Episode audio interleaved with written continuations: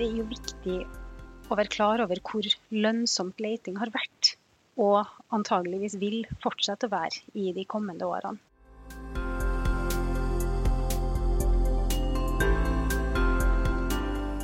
Dagens gjest i Fremtidspodden er Ingrid Sølberg, direktør for Oljedirektoratet. I denne episoden så snakker vi bl.a. om kjente og uoppdagede oljeforekomster, og om hvordan oljebransjen skal holde seg attraktiv hos de beste studentene.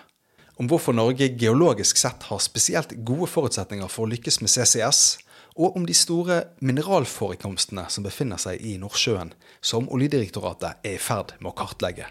Mitt navn er Kasper Synnevåg. Velkommen til deg, Ingrid Sølberg. Tusen takk. Du er oljedirektør, men nå skifter fokuset stadig mer fra olje til energi. Hvilken tittel har du i f.eks. 2030? Blir du etter hvert en energidirektør? Ja, Det er jo et interessant spørsmål. Eh, nå er jeg for så vidt bare inne i det andre av eh, mine muligens første seks år eh, på åremål som oljedirektør.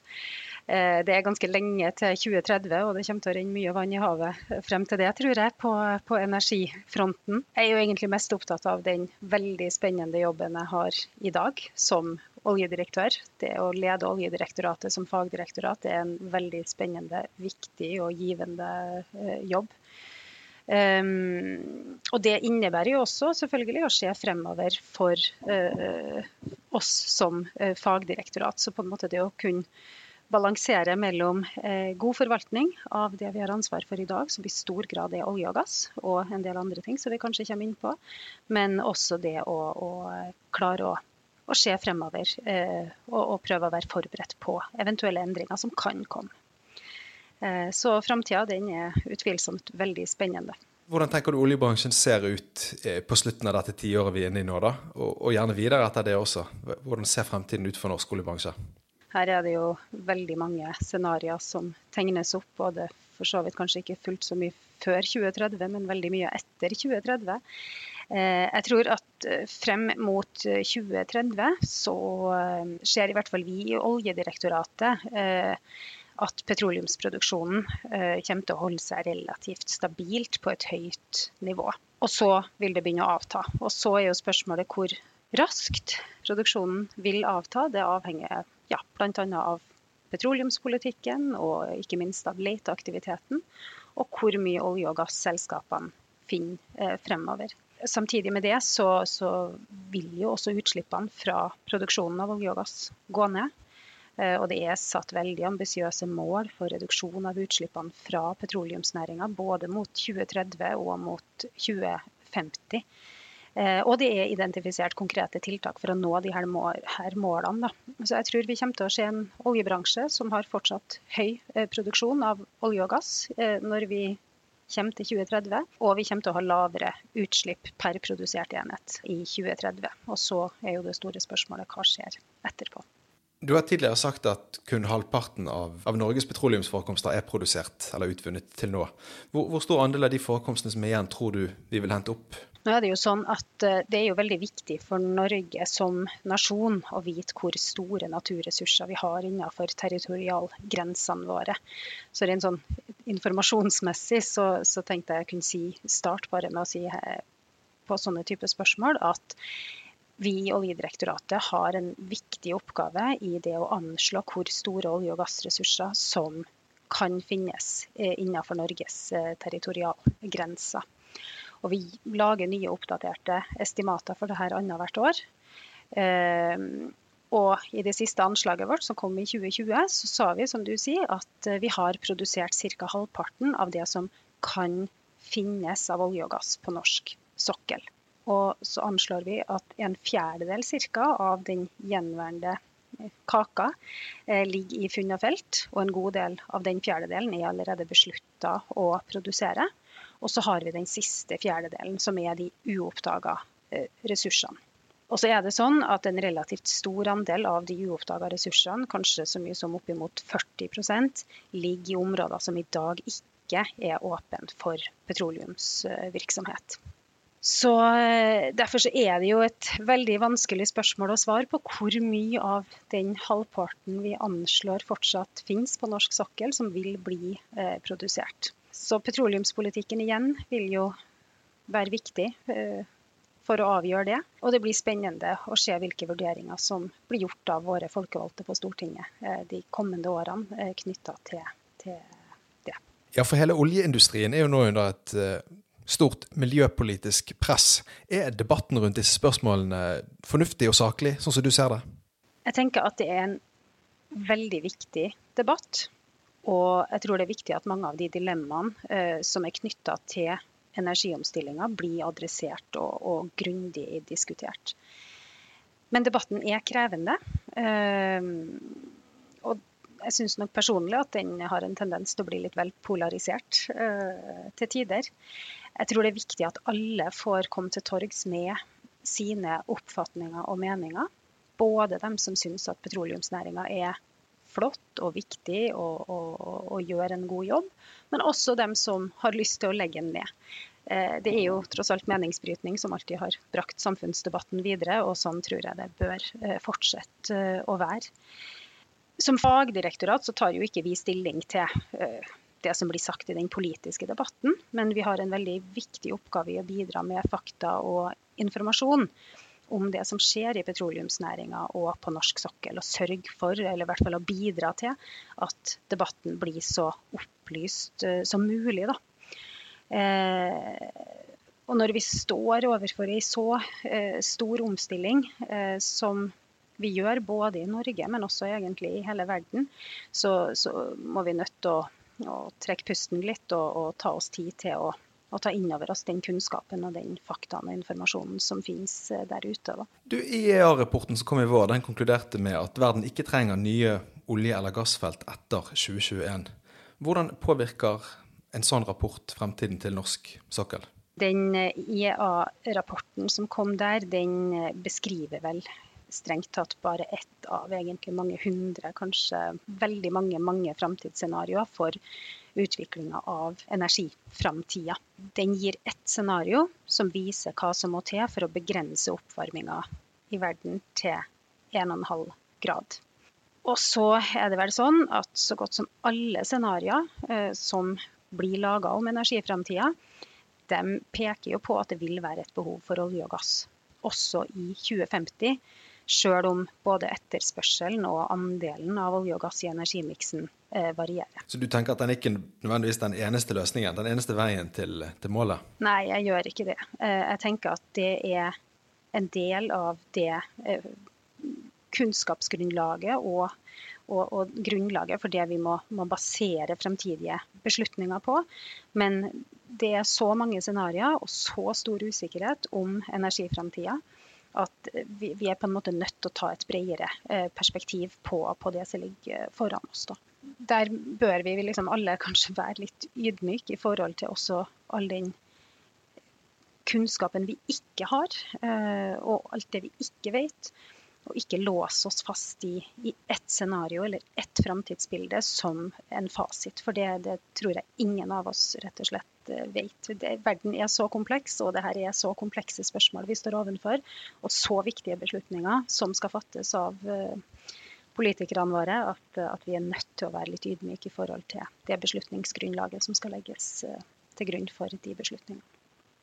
Du, I valgkampen som har vært nå, så har letestans vært et, et hett tema. Hvordan ser Oljedirektoratet på, på letevirksomhet i årene og for så vidt tiårene fremover?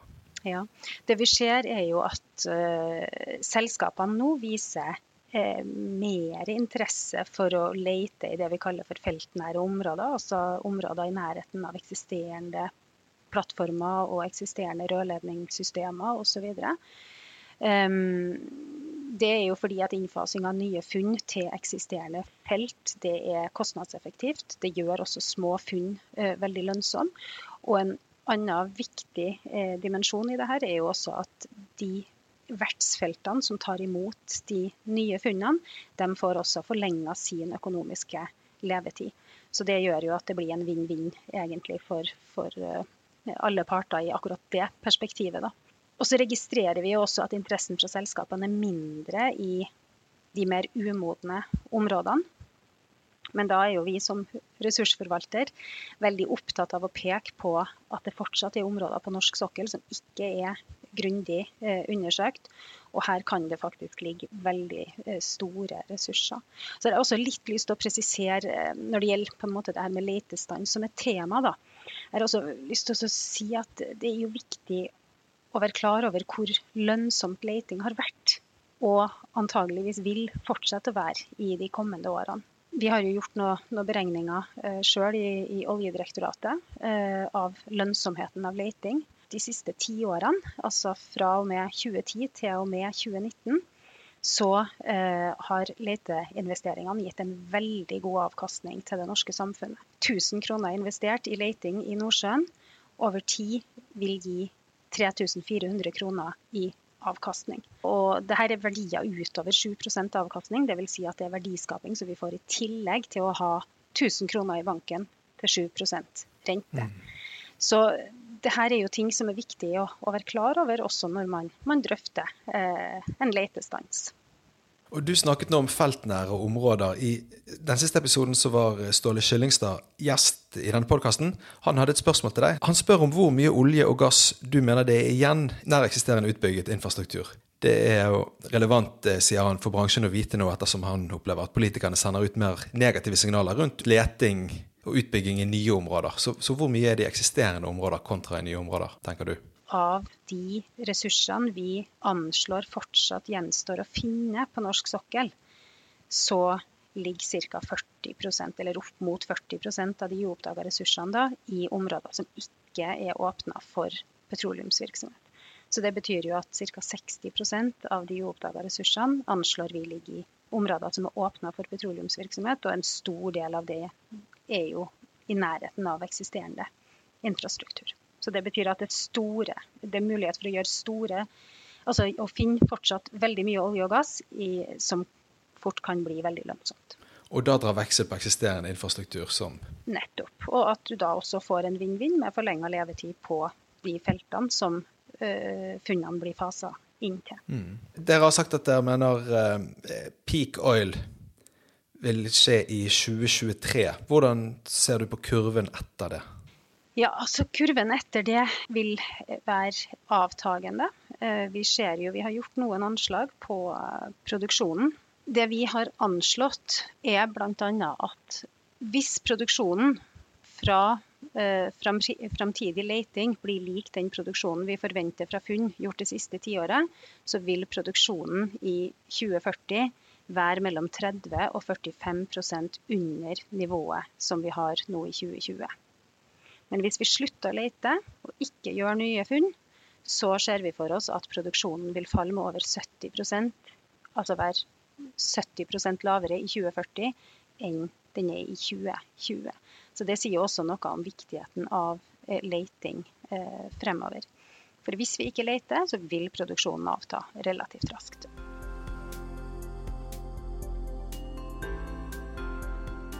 La oss snakke litt om, om omdømmet til oljebransjen kan først spørre helt generelt, Hva er oljeindustrien sin rolle i energiomstillingen, sånn som du ser det? Altså, myndighetene har jo sammen med petroleumsnæringa i mange mange år jobba knallhardt for å få ned utslippene, og også for å forvalte egentlig arealet på sokkelen eh, til det beste for de havnæringene som er til stede. Og da har det jo opprinnelig vært i hovedsak petroleumsnæring og fiskeri.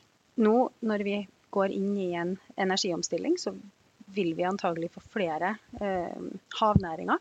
Eh, vindkraft er jo én, og vi ser på havbruk til havs. og Vi har CO2-lagring eh, som vi ser eh, kommer, og, og, mange som vil ha sin plass på havet fremover. Så Oljeindustrien har jo erfaring nå sammen med, med fiskeri til å, å, jobbe for å sikre en god sameksistens. og Der tror jeg uh, oljeindustrien og petroleumsnæringa kan spille en rolle. Og så er det jo selvfølgelig det som er på en måte aller mest nærliggende. Det er jo at vi har en kompetanse og en teknologi som er utvikla gjennom 50-60 år, og som kan brukes til å utvikle andre eh, havnæringer. Da. Eh, så, så det her tenker jeg er, er, kanskje essensen i det. Jeg tror Vi snakker ikke bare enten-eller, men jeg tror vi må snakke både og i ganske mange år fremover for å få til en smidig overgang fra en petroleumsnæring som er stor i dag, men som vi vet vil bli mindre, og til en overgang hvor vi vil få mer fornybart inn i energimiksen. Men det vil ta tid å få det til. Hva tenker du som oljedirektør om at oljebransjen, som har vært og fremdeles er ekstremt viktig for Norge, viktig for innovasjon og for velstand, nå er under press, samtidig som vi ser at man knytter mye positivt og heier frem andre industrier som innenfor ulike former for fornybar industri, som kanskje ikke er like levedyktig økonomisk? Ja, alle fremtidsscenarioer om energietterspørselen viser jo at det vil være et behov for, for uh, olje og gass. Um, og da tror jeg vi må fortsette å gjøre det vi er gode på, så lenge det er forsvarlig og så lenge det er lønnsomt.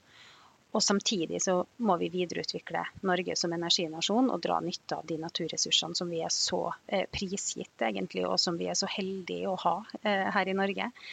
Um, så samtidig som vi produserer lønnsom olje og gass, så, eh, og på en måte som er forsvarlig for, for, miljøet, så forsvarlig som mulig, så må vi utvikle de, de nye næringene. Da. Så som jeg nevnte, altså det her med en overgangsfase, det vil ta flere år. Så jeg tenker vi må fortsette å gjøre det vi er gode på, eh, så lenge det er, er fornuftig å gjøre det. Og, og samtidig bygge opp eh, kompetanse og, og lønnsomhet i, i, nye næringer. Oljebransjen har eh, de siste årene opplevd fallende status blant de mest attraktive studentene. Det er ikke mange år siden en jobb for et oljeselskap var liksom drømmejobben til mange av de flinke studentene. Nå er det mange som er litt sånn, snakker det ned. da. Hvordan bør vi forholde oss til det? Det har jo vært sånn helt siden begynnelsen at petroleumsbransjen har rekruttert egentlig fra hele spekteret av utdannelser og yrker. Det har vært geologer, det har vært ingeniører, det har vært økonomer, det har vært statsvitere, jurister og tradisjonelle yrkesfag. Så, og det gjør jo bransjen eh, fortsatt. Eh, og så er det det med attraktivitet. Det er jo viktig å kommunisere tydelig at petroleumsbransjen i høyeste grad egentlig representerer arbeidsplasser for fremtida. Nettopp av den grunnen jeg har vært inne på, at det vil være behov, tror vi, for olje og gass i ganske mange tiår fremover, sjøl om andelen i energimiksen vil avta. Og så er det sånn at både inntektene og kompetansen og teknologien skal hjelpe oss over til et lavutslippssamfunn. Det vi nå ser, er jo at både oljeselskapene og leverandørindustrien utvider porteføljen sin for å utnytte andre energiressurser.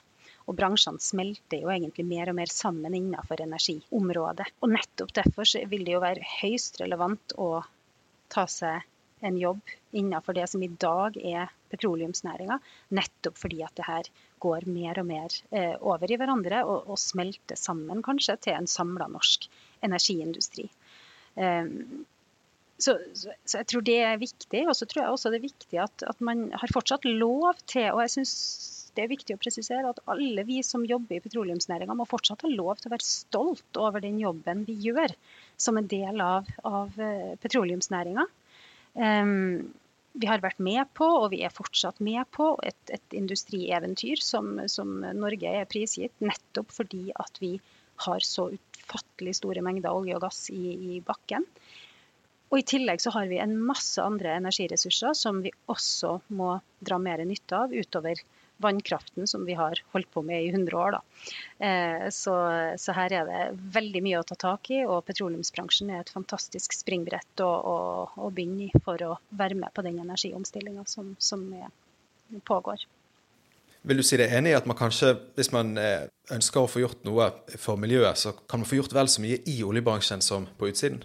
Ja, Jeg tror eh, egentlig det.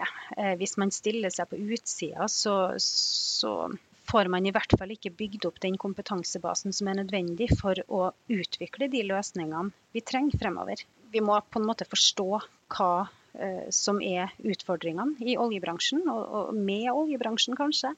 Og det lærer vi hvis vi da går inn i den og, og forstår bedre hva det her egentlig handler om. Og så er det jo sånn at jeg tror alle som jobber i oljebransjen fra tid til annen, møter noen som stiller spørsmål med hvorfor vi alle dager har lyst til å jobbe i denne skitne eh, næringa. Eh, min opplevelse er jo at jeg tror nesten jeg har til gode å møte noen som ikke syns at dette er en bransje eh, hvor vi faktisk kan være med aktivt og jobbe for å redusere utslipp, både til sjø og luft, for å sikre at olje- og gassproduksjonen kan fortsette å være blant den, de reneste fatene som produseres i, i verden. Um, så det er jo når man møter dem som tror at dem som jobber i petroleumsnæringa gjør det fordi man ikke bryr seg om klimaet eller om naturen, eller at man gjør det for egen vinning, at man, man opplever en viss sånn urettferdighet, tror jeg. For, for, jeg tror rett og slett som sagt at man veldig, veldig mange av dem som jobber i petroleumsnæringa er genuint opptatt av å være med på en energiomstilling og på å redusere eh, utslippene, sånn at vi går en, en fremtid eh, best mulig i, i møte for alle sammen. La oss snakke litt om andre teknologier. Hvor mye tenker du vi kan få ut av, eh, av CCS, altså karbonfangst og -lagring? Hva kan en sånn teknologi bety for, for norsk oljebransje? Vi har jo vært hvis det går an å si det sånn, veldig heldige med geologien på norsk sokkel. For i tillegg til å levere og, og produsere lønnsom olje og gass, så har det jo vist seg at vi har eh, plass til å lagre enorme mengder med CO2, både trygt og godt eh, langt nedi eh, undergrunnen. og vi i Oljedirektoratet vi jobber jo mye med transport og lagring av CO2. og vi har bl.a. utvikla det vi kaller et CO2-atlas, som er tilgjengelig på nettsidene våre, da, men som også viser det enorme lagringspotensialet på norsk sokkel den kartlegginga som vi har gjort, eh, viser jo at det er kapasitet til å lagre så mye som 80 milliarder tonn CO2 på norsk sokkel. Eh, det tilsvarer, for å gi det en, en sammenligning, eh, altså dagens norske utslipp i 1000 år. Så det er et enormt lagringspotensial, og, og, og det er veldig bra. Så etter hvert så kan jo norsk sokkel bli et attraktivt deponi for CO2. Både som fanges eh, fra industrianlegg i, i Norge, men også i andre land. Og, og, selvfølgelig er jo Europa mest nærliggende eh, der. Da. Vi eh, vurderer søknader om det vi kaller for utnyttelsestillatelser for CO2. Foreløpig er det bare tildelt én utnyttelsestillatelse for lagring av CO2 på norsk sokkel, og den er tildelt det her Langskip-prosjektet. Eh, og så eh, kommer det flere søknader nå etter hvert. Og dem har vi til, til behandling. Da. Så, så det her er jo absolutt noe som er, har et potensial, eh, og som er i en utvikling. Og så blir det spennende å se egentlig hvor mye CO2 man, man finner det riktig å, å fange, eh, og hvor mye CO2-lagringskapasitet man faktisk har behov for. Både i Norge, men også fra Europa. Hvordan ser du for deg at man kan kommersialisere den teknologien fremover? Det kan jo være en kommersiell mulighet for lagring av, av CO2 eh, på norsk sokkel, og det er jo bl.a. derfor at norske myndigheter satser på det her. Men, men det er jo fortsatt høye kostnader eh, forbundet med det, og kostnadene må ned. Eh, og her tenker jeg at næringa har den viktigste rollen i forhold til det å klare å kommersialisere CCS. Da. Eh, det er jo foreløpig ikke noe, noe lønnsomhet i det. Og så spørs det hvordan man eventuelt klarer å, å, å få det her til å bli noe som, som ikke bare hva skal vi si, subsidieres eller finansieres fra andre kilder, men, men som kanskje klarer å stå på egne bein. Da vi har gode geologiske forutsetninger. Hva, hva, er det som gjør Nordsjøen til et bedre lagringsområde enn en andre felt? Vi har eh, gode eh, reservoarer eh, med god gjennomstrømning og, og eh, eh, god porositet egentlig i, i fjellet, eh, som gjør at det både kan ta imot mye CO2, og så er det solide kapper på en måte som, som lager feller som gjør at, at CO2-en vil holde seg der når den først er, er injisert. Hvordan ser du på fremtiden til hydrogen? Kan vi der komme til å bruke rørinfrastruktur vi har i dag, til å eksportere det i fremtiden? Hydrogen er jo i en tidlig fase eh, fortsatt, eh, tenker jeg. Vi snakker jo både om hydrogenproduksjon fra naturgass, hvor du da også må fange eh, CO2-en og, få lagra den eh, et sted eller deponert den et sted. Og så har vi jo den grønne hydrogenen som det også er store eh, planer for, med elektrolyseteknologi. Da. Særlig blått hydrogen, altså det som produseres for naturgass, er jo et mulig bruksområde for norsk gass. Men det blir jo en vurdering, tenker jeg. Nå er jo gassprisene så høy som de ikke har vært noen gang før, egentlig, i forhold til salg som naturgass. Eh, og det koster jo selvfølgelig en del å, å produsere eh, blått hydrogen. Eh, og du må også ha en primær eh, energikilde, for du må jo tilføre eh, kraft for å få produsert det blå hydrogenet også. Så her er det mange aspekter egentlig ute og går, som, og jeg tror vi er i en tidlig fase, men det er en veldig spennende nærings, et næringsområde det også, eller en teknologi å, å, å jobbe videre med. Eh, sammen med, med, alle de andre teknologiene. Og når det gjelder det med å bruke rørinfrastrukturen, eh, jeg tenker Vi har jo en rørinfrastruktur som er imponerende på, på norsk eh, sokkel. Eh, det er vel ca. 8800 km med rør, tror jeg. Jeg lurer på om det er samme avstand som det er herifra til Bangkok eller noe sånt. Det er enormt mye eh, rør. Og det er jo både en kostnadseffektiv og driftssikker måte å transportere gass på. Og har jo vært et stort konkurransefortrinn for norsk gass. I markedet. Eh, et av utgangspunktene for at vi har bygd opp den rørinfrastrukturen, det var jo faktisk et klimatiltak.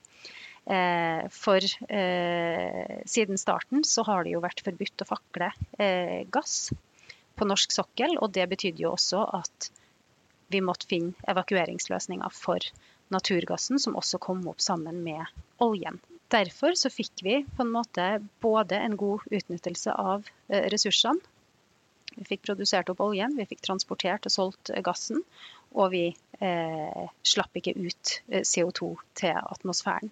Eh, så dette er jo egentlig et eksempel på framsynte politikere som for 50 år siden også eh, klarte å ha to tanker i, i hodet samtidig. Om den, skal, eh, den fantastiske rørinfrastrukturen nå skal brukes videre til hydrogeneksport eller ikke, det, det er ikke opp til oss i Oljedirektoratet kanskje å, å mene så mye om, men jeg vet at både næringa sjøl og ikke minst Gassco, som har arkitektrollen for rørinfrastrukturen på norsk sokkel, de er jo de riktige folkene å, å spørre om det, tenker jeg. Det snakkes om, eh, om store mineralforekomster på bunnen av norsk sokkel. Det har blitt nevnt bl.a. milliardverdier i kobolt.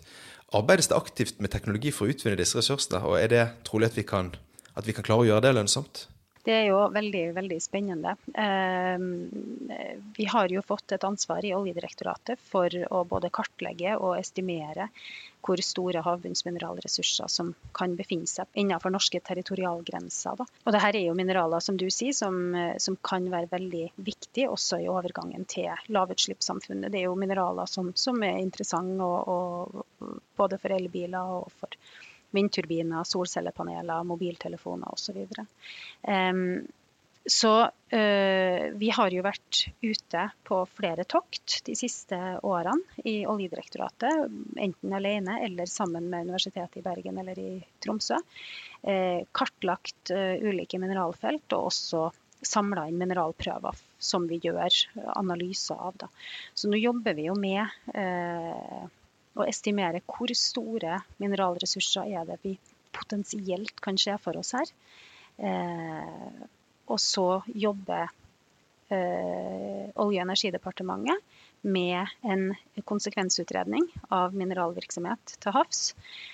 Og så kan vi kanskje gå mot en mulig åpning eh, på midten av 2020-tallet, når rundt der. I den sammenhengen så er det jo en del diskusjoner både om de miljømessige aspektene ved utvinning av havbunnsmineraler, men ikke minst også hvilken teknologi som trengs for å gjøre den utvinninga på en forsvarlig og god måte. Vi snakker jo om store vanndyp her. Dette er jo ned mot 3000 meters vanndyp at vi har funnet de her mineralfeltene. Jeg vet at det foregår mye, og det er mange som, som, jobber med å utvikle teknologier for en forsvarlig utvinning. Og så, så har vi sikkert fortsatt et stykke å, å, gå der. Men vi har en enorm kompetanse også innenfor petroleumsbransjen her som eh, vi bygger videre på. Har det vært gjort noen gang i verden at man har utvunnet mineraler på flere tusen meters dyp? Nei, det tror jeg ikke. Ikke på, ikke på jeg skal ikke si det for, for helt sikkert, men, men, i hvert fall ikke den, ja, hvert fall ikke den type mineraler som vi har, eh, som ligger i, i, både sånne skorsteiner, og så ligger det i sånne harde eh, felt, egentlig, utfellinger på havbunnen. Er det sånn på disse toktene at, og med de undersøkelsene at dere har gjort funn som ikke du kan fortelle om ennå? Vi har gjort funn som vi både forteller om og som vi har gått ut med foreløpige analyser på. Men det vi jobber med nå, det er å få opp noen ressursestimater Eh, som selvfølgelig vil være høyst usikker. Eh, men det vil jo være noen ressursestimater som vil si noe om ja, hvilke typer mineraler er det vi anslår, basert på de analysene vi har gjort av prøvene vi har henta opp fra det store eh, havdypet her. Du kan spørre helt til slutt. Du har jo for så vidt argumentert for det underveis, vil jeg si. Men hva, hva er hovedargumentene for at oljeindustrien skal eksistere? Og da, La oss gjerne tenke langt fremover, de neste 50 årene. Hovedargumentet må være at det er en etterspørsel etter olje og gass. Mye av den energiomstillinga vi står ovenfor, den, eh, der ligger det et stort ansvar på oss som eh, forbrukere også, i å få ned behovet for enten råolje eller naturgass, eller de produktene som produseres av oljen og gassen i dag.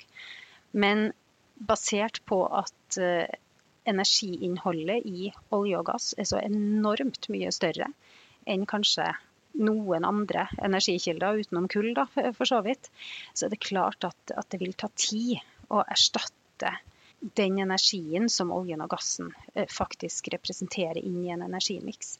Basert på at det her er såpass sammensatt og komplekst, og, og, det store energiinnholdet som olje og gass eh, representerer, så tror jeg det vil ta tid å få en energiomstilling som, har, som erstatter dagens olje- og gassproduksjon med fornybare kilder. Men det her er jo eh, som å, å spå inn i framtida, og det er det ingen av oss som egentlig eh, har fasiten på. Så, så det her blir veldig spennende å følge fremover. Du, da sier jeg tusen takk for at du ville være med oss i dag. Tusen takk skal du ha.